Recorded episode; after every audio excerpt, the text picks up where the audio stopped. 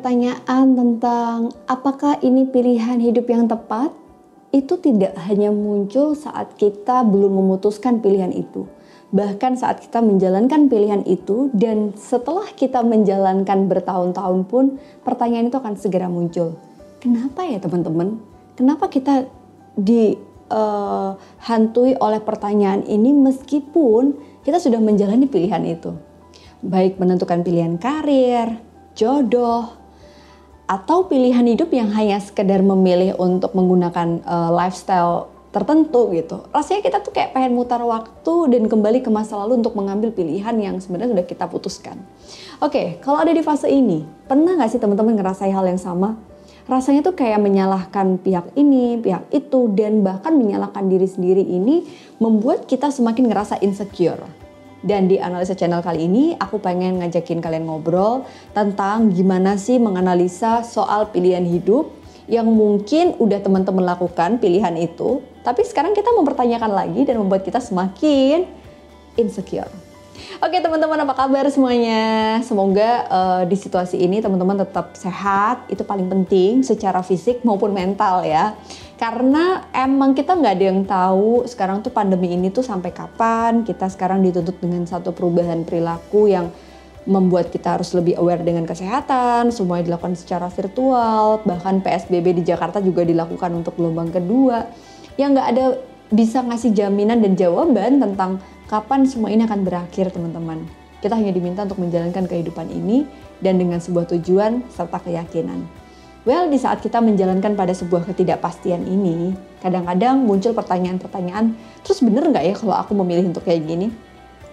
Terus bener nggak ya kalau aku dulu memutuskan untuk seperti itu? Terus bener nggak ya kalau nanti? Jadi seolah kenapa kayak belakangan APDC Indonesia juga di Instagramnya bisa dicek ya. Kita lagi banyak juga ngebahas tentang mindfulness dan bahkan di beberapa kelas webinar yang kita buka untuk publik itu kayak kita ngebahas gimana kita tuh untuk fokus pada apa yang terjadi di hari ini. Mindfulness ini tentang kesadaran diri nih teman-teman. Jadi kalau kalian yang join di kelas webinar kita pasti uh, teman-teman bisa memahami bahwa menghayati apa yang kita pikirkan dan apa yang terjadi yang kita rasakan di saat ini itu bisa salah satu cara kita untuk mengurangi insecure kita terhadap masa lalu dan masa depan. So, teman-teman, seperti pikiran kayak salah pilih jurusan deh. Aku tuh kayaknya salah pilih pasangan deh kok bisa dijodohin enggak, dipaksa masuk kuliah juga enggak. Tapi rasanya ketika kita sudah menjalani seolah ini adalah kesalahan besar dalam hidup kita.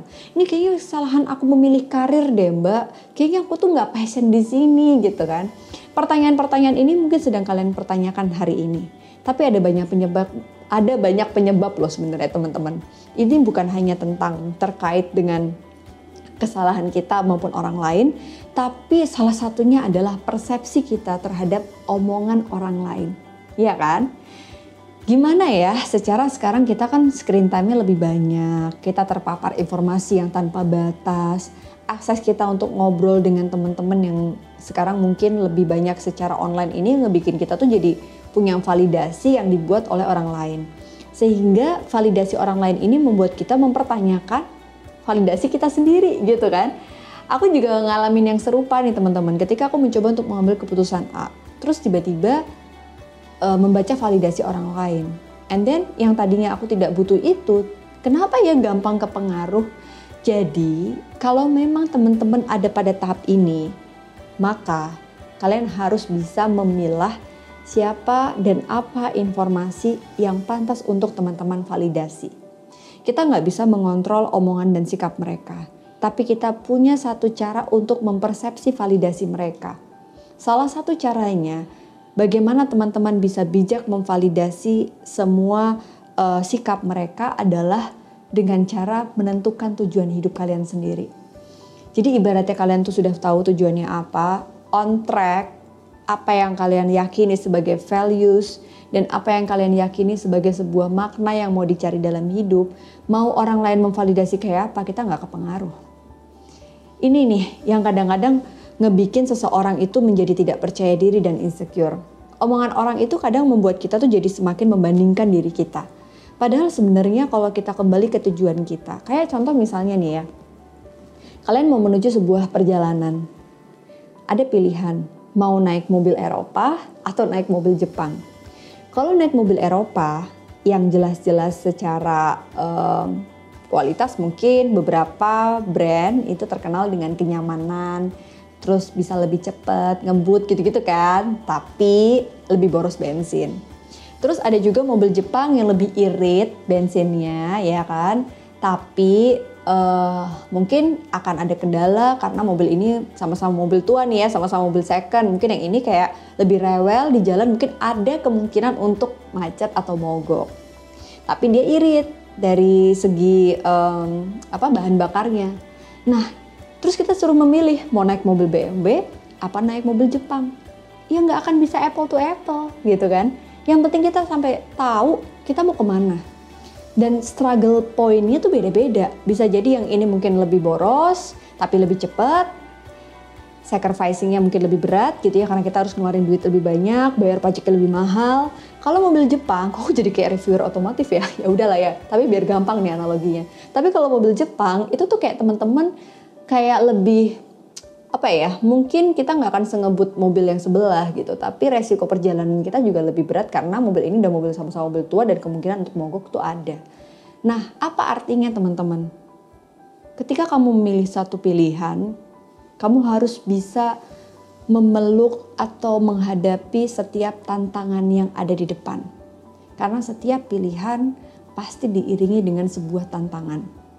Kalau mindsetnya tantangan ini adalah ujian, maka kamu akan mencapai tujuan dengan level yang lebih signifikan. Tapi kalau kamu anggap ini sebagai sebuah ancaman terhadap pilihan kamu, maka kamu akan terus mempertanyakan, benar nggak ya ini pilihan aku? Karena merasa terancam dan membuat kita semakin lelah dengan pilihan kita. Jadi mindset untuk membuat bahwa setiap pilihan adalah sebuah peluang untuk bisa menuju tujuan tapi juga akan ada obstacle dalam perjalanannya itu harus kita miliki sebagai seorang pemenang di tengah situasi ini. Nah teman-teman untuk membuat sebuah pikiran bahwa oke okay, ini adalah tantangan, ini adalah tantangan dan kita punya tujuan itu kita nggak bisa sendirian. Mungkin teman-teman butuh support dari orang yang signifikan dalam hidup kalian. Mungkin teman-teman butuh menuliskan sehingga kalian bisa merimain lagi, recall lagi apa yang udah kalian tanamkan dalam diri teman-teman. Once teman-teman ngerasa kayak validasi omongan orang tuh ngebikin kalian down, coba remind lagi tujuan yang kalian udah bikin, rencana yang udah kalian susun. Karena nggak ada satu orang pun yang bisa menuliskan di diary Anda gitu, di diary kalian.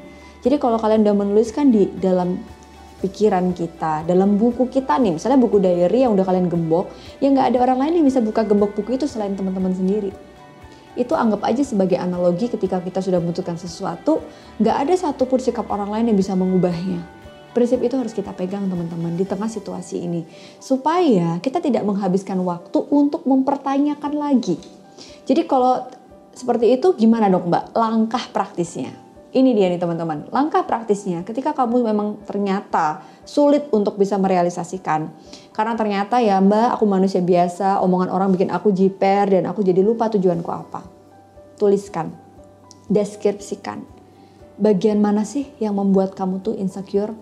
Yang bikin kamu tuh bingung, yang bikin kamu pertanyakan dalam pilihanmu, itu harus kamu ketahui dulu teman-teman karena kayak episode yang sebelumnya nih ya, ketika kita bicara tentang kecemasan tuh ada di level ketidaksadaran, itu harus disadari dulu sumbernya apa sih yang bikin kamu tuh bertanya-tanya. Lalu kemudian ketika kita udah tahu sumbernya, daripada kita ngabisin waktu, toh pikiran kita juga akan sama dengan yang kemarin, ya kan? Bayangin aja kalau kita udah tahu nih, itu nggak akan berubah kok validasi orang. Lebih baik kita habisin waktu untuk menentukan strategi jadi kalau ada strategi baru, energi kita tuh habis untuk ngelakuin strategi itu.